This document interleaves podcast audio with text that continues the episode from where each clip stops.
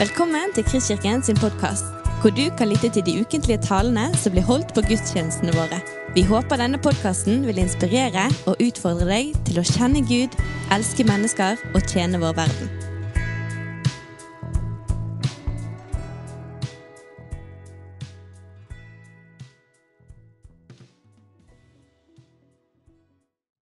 Noen mennesker, dere, eh, har det privilegium å være kjendis én gang i året.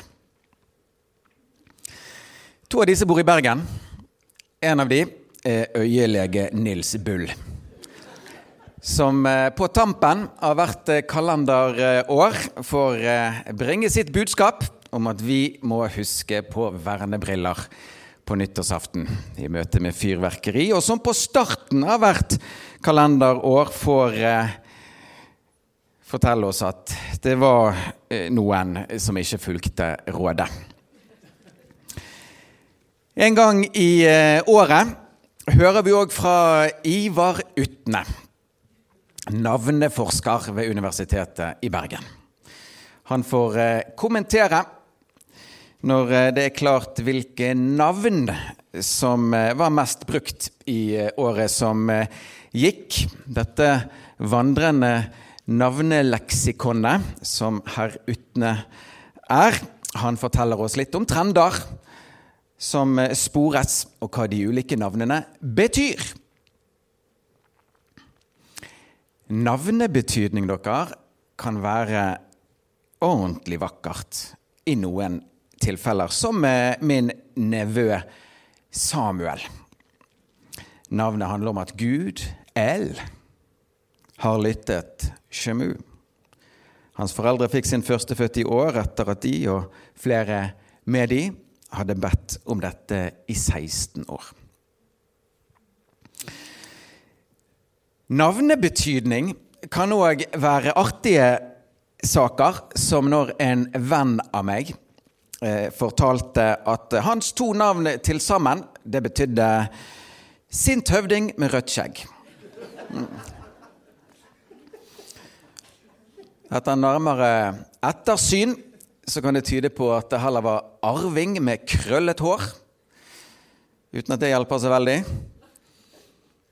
Synes klart at det er andre ting enn navnets betydning som eh, har avgjort valget for hans foreldre får vi vel tro, da. Ja. Men dere, i Bibelen er navn viktig. Studiebibelen sier dette, at i Gamle testamentet var navnets funksjon ikke bare å skjelne den ene personen fra den andre, men også et uttrykk for personens egenskaper, vesen og personlighet. Spesielt gir Gud seg til kjenne og avslører sitt vesen ved sitt navn. Sitat slutt. Et av de mest kjente eksemplene på det finner vi i Andre Mosebok 3, der Moses står foran denne brennende tornebusken. Gud sier at Moses skal få føre israelsfolket ut av Egypt. Moses spør da hva han skal svare når folket spør om navnet på han som har sendt Moses til dem. Moses fikk da høre at han skulle si at 'Jeg er har sendt meg til dere', som forteller om dype sider ved Guds vesen og person. En av de aller mest kjente profetiene i Det gamle testamentet om den lovede Messias taler mye om hans navn, hva han skal kalles. Jesaja 9,6 nevner fire saker her som vi tar for oss i tur og orden disse fire søndagene i advent. Der står det For et Barn er oss født, en sønn er oss gitt. Herreveldet er lagt på hans skulder, og hans navn skal være underfull rådgiver. Veldig Gud, evig Far og fredsfyrste. Det er selvsagt eh, ikke sånn å forstå at Messias, når han kom, skulle benevnes ved disse ulike navnene. Underfull rådgiver, kan du komme hit? Nei, dette er aspekter ved hans karakter. Og uten å sette disse fire opp mot hverandre for å si hva som synes å være viktigst av de, så er det noe spesielt med det vi skal se på i dag. For i dag handler det ikke bare om egenskaper ved Han som skal komme. I dag handler det om hans natur. Vi skal snakke om Jesus som veldig Gud, og hvorfor dette er så viktig for deg og meg. Forrige søndag innledet eh, Daniel Sebjørnsen denne taleserien. Han malte da opp konteksten for disse versene, som helt klart er skrevet inn i en konkret historisk sammenheng i Israels lange historie. Jeg skal ikke gå inn den døren der nå, men helt kort si at det handler om en bekmørk tid i i eh, Israels historie. For israelsfolket ca. 700 år før Kristus. Men midt i svartmalingen da, av situasjonen så kommer det noe som fungerer som et sterkt lys.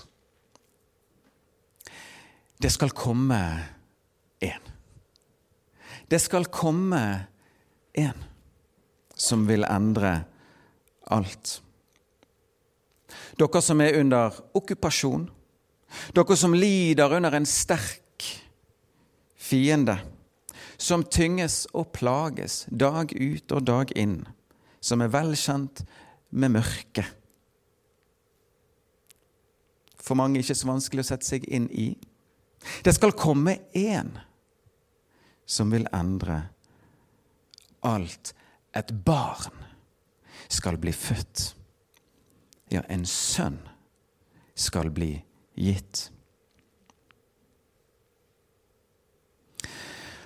Og med dette, dere, er det som om Jesaja nærmest skriver nye vers på den sangen som er blitt sunget i århundrer i dette folket. Denne sangen som har så mange forfattere fra så mange ulike epoker. Denne håpssangen om Han som skal komme. Jesajas ord blir dermed til trøst og er ment for flere enn bare hans samtidige. Og Et av de virkelig sterke bidrag som Jesaja ved Guds ånd legger til denne sangen, det er at han som kommer, han som skal bli født, det er El. Elohim. Et ord Jesaja kun bruker om Gud sjøl. Det er Gud sjøl som skal komme, sier Jesaja. Og etter Jesaja så kommer det noen til, noen nye personer som ved Guds nåde og ved Guds ånd gis å legge til sangen om Han som skal komme. Men så blir det taust. Lenge i flere hundre år. Fascinerende stille blir det. Det er som eh, når lysene slås av i salen. Og det blir total stillhet i påvente av at kunstneren skal entre og begynne på verket. Og så langt borte fra de store saler. Langt utenfor synsfeltet til de høye herrer, så oppsøkes en ung dame av en Herrens engel. Frykt ikke, Maria, for du har funnet nåde hos Gud. Se, du skal bli med barn og føde en sønn. og du skal gi ham navnet Jesus. Han skal være stor og kalles den høyestes sønn. Gud Herren skal gi ham hans far Davids trone, og han skal være konge over Jakobs hus til evig tid, og det skal ikke være ende på hans kongedømme.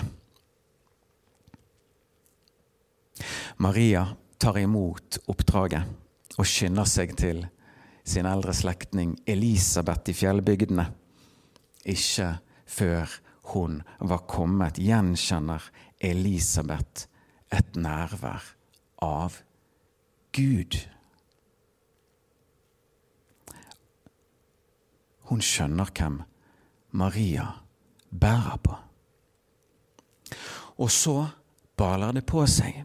Den ene etter den andre som får dukke opp der i Jesu foster- og spedbarnsfase. De bærer bud om at barnet er Gud. Sakarias, Elisabeths mann, som omtaler fosteret som en soloppgang fra det høye, som kom for å lyse for de som sitter i mørket og dødsskygge.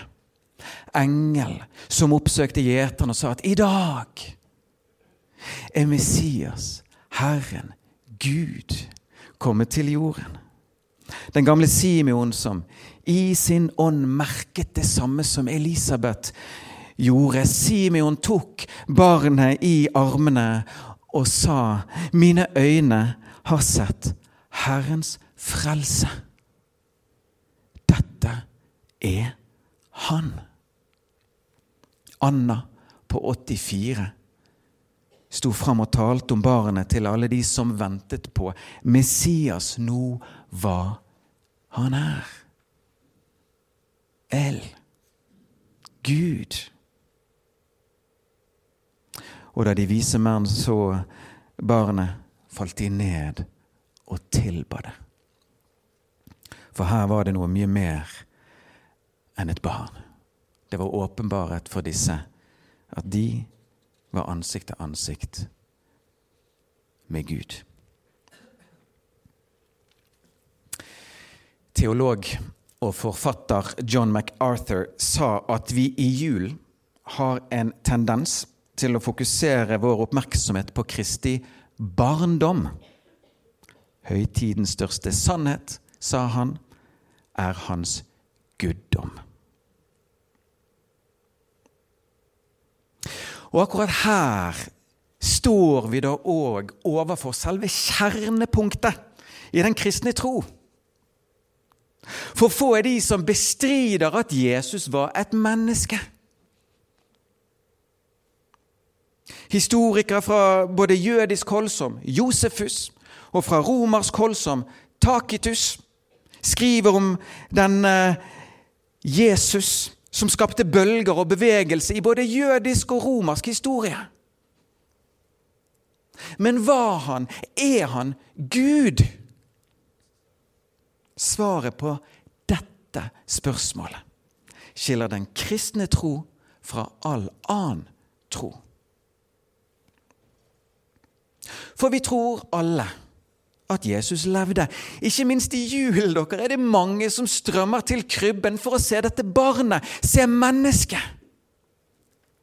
Og alle ser jo at der ligger en veldig søt gutt. Men ikke alle ser at der ligger en veldig Gud. Å overbevise menneskeheten om dette er Bibelens hovedanliggende. Som Paulus sier det til Timoteus, kan Skriften gjøre oss vis til frelse. Sagt på en annen måte Skriften, Skriftene loser oss til den eneste som kan frelse. Til Frelseren, som navnet hans betyr.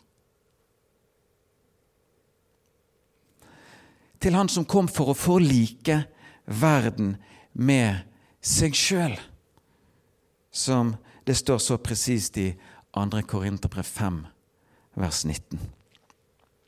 For venner, som en tykk tråd gjennom Skriften går dette budskapet at menneskeslektens kjerneproblem er at vi ikke klarer å hamle opp med vår svikt i møte med Gud. Uansett fra hvilken vinkel man hadde prøvd, hvordan kunne et menneske forsone verden med Gud? Hvem andre enn Gud kan forsone og forene verden med seg sjøl, med Gud? Vi kunne prøvd, og vi har kanskje prøvd, i tusener på tusener av år, men vi deler alle et grunnproblem. Vi har alle syndet og står uten ære for Gud, står det. Vel hadde Gud gitt Israels folke å stå i relasjon til Han gjennom en variant som krevde en hel bråte med såkalte ufullkomne offer. La oss kalle det kortvarige, hele tiden midlertidige løsninger. Omtalt som skyggebilder. Konturer av noe annet, mer gjeldende og virkekraftig, som en gang skulle komme. Mengder av dyr ble ofret. For mennesker fikk de ikke lov å ofre. Og da ble det aldri fullkomment, bare konstant tilkortkomment. For hvem andre enn Gud kan forsone og forene verden med Gud?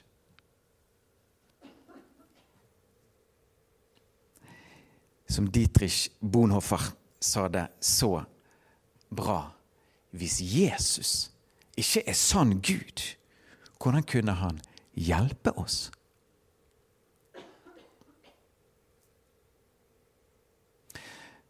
Men dere utsagnet til Bonhoffer stopper ikke der.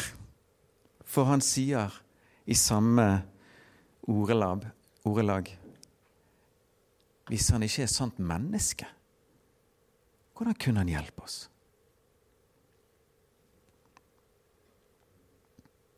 For etter at Gud hadde gitt jorden til menneskene, så måtte det òg et menneske til for å forsone verden med Gud.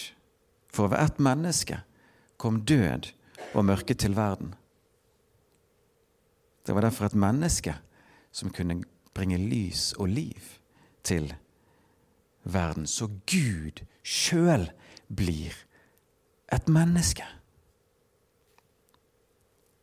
Jesus Kristus, omtalt som den andre Adam, forener Gud og menneskeslekten og blir med det motstykket til den første Adam, som forvoldte separasjon mellom Gud og menneske. Så et barn blir oss født. En sønn blir oss gitt, og han skal kalles veldig Gud, for han er det. Denne inkarnasjonen, dere, er svimlende saker langt forbi, langt utenfor vår gripe- og fatteevne. En god del ting i Guds rike er av en sånn karakter. Som evigheten, treenigheten, inkarnasjonen. Og kanskje skal vi ikke være for overrasket over at noe av det som har med Gud å gjøre, foregår over våre hoder. Men gjør vi et lite forsøk, da? Stopper opp og dveler nærmest litt filosofisk over det hele her, så er altså et kjernepunkt i den kristne tro dette at universets Gud identifiserer seg med deg og meg. Vi har ikke å gjøre med en Gud som er opphøyet, fjern, abstrakt, atskilt og annerledes bare. En Gud uten kontaktflate, likhet og forståelse. En vi kunne ropt ut til at 'Du vet ikke hvordan det er'. Du der oppe, du der ute, du der borte. Nei, vi har en Gud som vet hvordan det er å være oss. Gud kunne nok på nytt har skapt eller formet et voksent menneske, sånn som han gjorde det med Adam, og nærmest sendt han inn i verden og presentert ham. Han hadde gjort sitt og dratt. Men nei, Gud, Gud kjente på kroppen hvordan det er å være oss fra vugge til grav. Han vet for eksempel hva det er å være omtalt som et uønsket barn. Han vet for eksempel hvordan det er å vokse opp med en far som ikke er hans biologiske. Identifisering. Han vet hva det er å bli forsøkt drept som barn. Hør, han vet hva det er å være en flyktning. Identifisering. Han vet hva det er å være en fremmed. Han vet hva det er å være i minoritet. Han vet hva det er å være barn på et nytt sted. Han vet hva det er å være enslig. Han vet hva det er å bli forlatt av sine nærmeste. Han vet hva det er å bli fristet. Han vet hva det er å ha angst. Han vet hva det er å oppleve fysiske smerter. Han vet hva det er å bli avvist, angrepet. Og vi kunne fortsatt. Gravd fram det ene poenget etter det andre i Jesu liv, i hans lidelse. Han kjenner våre problemer. Gud vet hvordan det er å være oss. Hvilken Gud vi har som både forstår og forløser. Som forstår og forvandler. At Gud og mennesket er forenet i Jesus Kristus er Skriftens sang. Den store tema og nøkkel. Misjonsleder og forfatter John Oswald Sanders sa det sånn at Kristi guddom er hovedlæren i Skriftene. Forkaste og Bibel blir et virvar av ord uten noe samlende tema. Godta det, og Bibel blir en forståelig og ordnet åpenbaring av Gud i personen Jesus Kristus. At vi her berører troens kjernepunkt, gir òg mening ved det at det var bekjennelse av Kristi guddom som ga han dødsdom. For 2000 år etter at Moses spurte han om hva han het, om identitet. Så spør en annen, jødisk leder, denne gangen ypperste presten, hvem han sier at han er. Er du Messias, den velsignedes sønn? Og der, foran ypperste presten og alle de andre som var samlet, besvarer han spørsmålet, men han gir samtidig en henvisning. Jeg er, svarte han. Og alles tanker i det rommet gikk 2000 år tilbake i tid. Det var ikke tvil om hva han egentlig sa. Ypperste pressen raser. Han river i stykker klærne sine og sier, 'Hva skal vi nå med vitner?' Dere har sjøl hørt Guds bespottelsen. Og vi ser at det er Jesu ord om sin guddom som gir han dødsdom.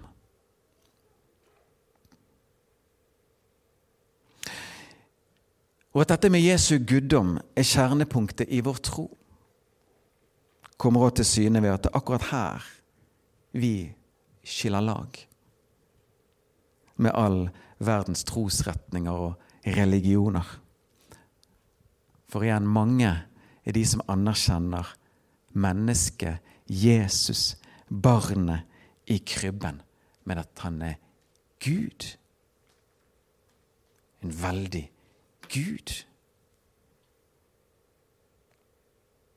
At dette er kjernepunktet i vår tro, kommer også til syne når Jesus i voksen alder stiller sikte inn akkurat på det som har med hans identitet å gjøre, og spør de som flokker seg om han, hvem sier dere at jeg er?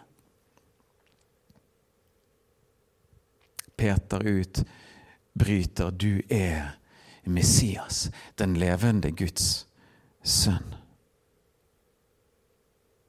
Akkurat det spørsmålet blir vi alle gitt å besvare før eller siden.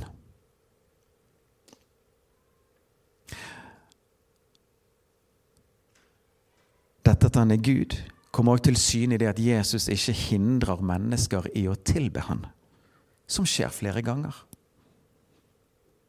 For som han sjøl sa, Herre din Gud skal du tilbe'. Han aksepterte det. Men det at han òg er sant menneske, gjør at han samtidig kan si til oss Følg meg.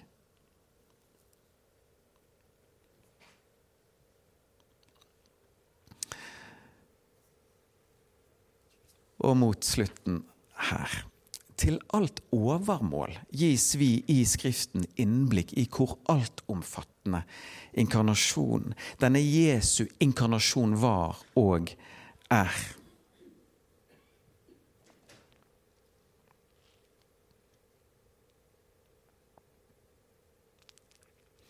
Han ikke bare var menneskesønn, han er menneskesønn.